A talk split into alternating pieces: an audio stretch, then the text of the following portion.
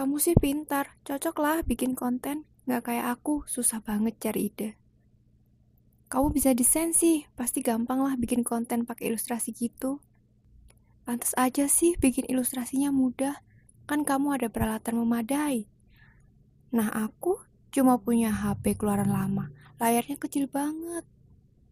Terkadang aku berpikir kenapa orang-orang dengan mudahnya menganggap apa yang orang lain kerjakan terlihat mudah, tapi yang dirasakan diri sendiri sangat sulit.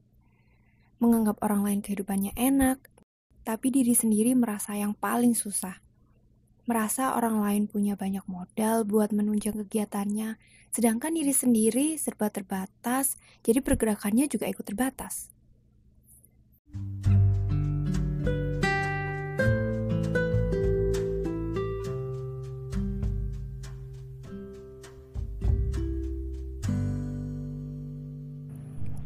Hai teman-teman semuanya, Assalamualaikum.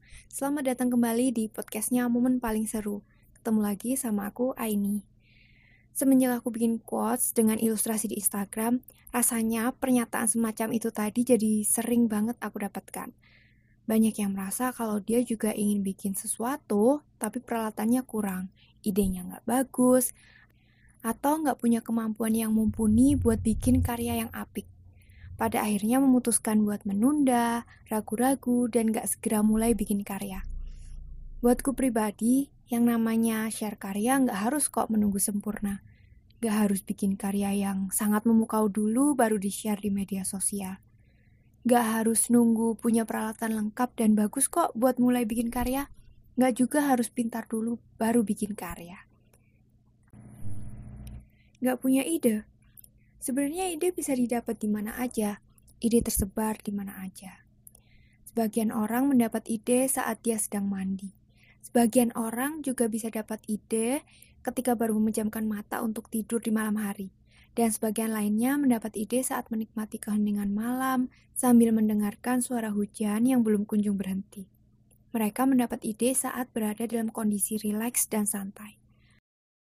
Tapi beberapa orang lainnya malah lebih cepat dapat ide saat sudah mendekati deadline dan dalam kondisi terdesak harus dipaksa untuk mempelajari sesuatu yang baru, membaca sebuah artikel di internet, mendengar percakapan orang lain, atau saat mereka berusaha mengamati keadaan sekitar. Sekarang tinggal direnungkan aja. Kamu lebih mudah dapat ide ketika dalam kondisi rileks atau terdesak. Tapi kan karyaku masih jelek.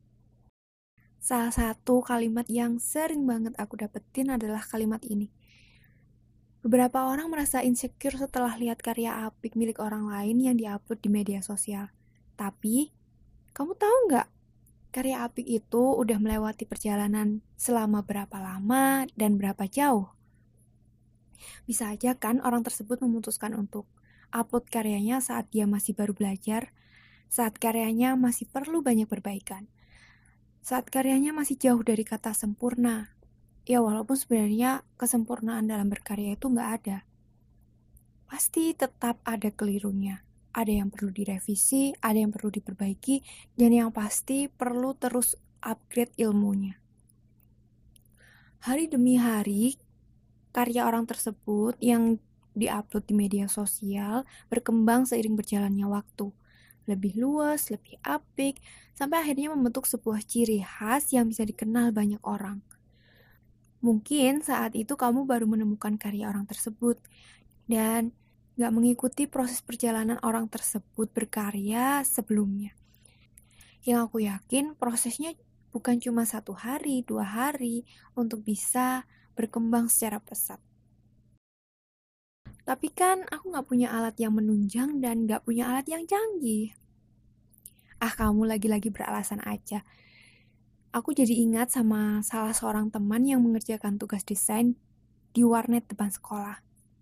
Dia nggak punya komputer ataupun laptop, tapi tahu nggak nilai karyanya lumayan tinggi daripada teman-teman lainnya. Saat dia butuh komputer untuk mengerjakan tugas, pasti dia larinya ke warnet depan sekolah atau kalau nggak ke perpustakaan. Karena di perpustakaan memang ada komputer yang disediakan sebagai fasilitas.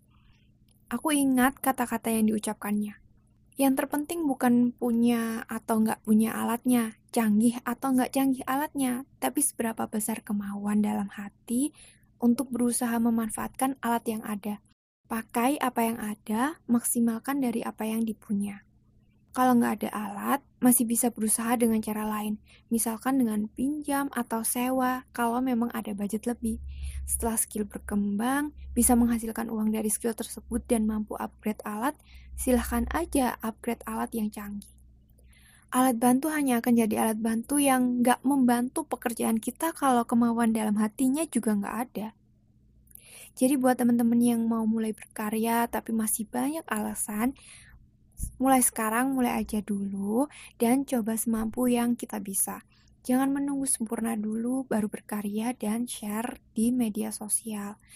Aku tahu kok, melakukannya nggak semudah ketika aku berbicara.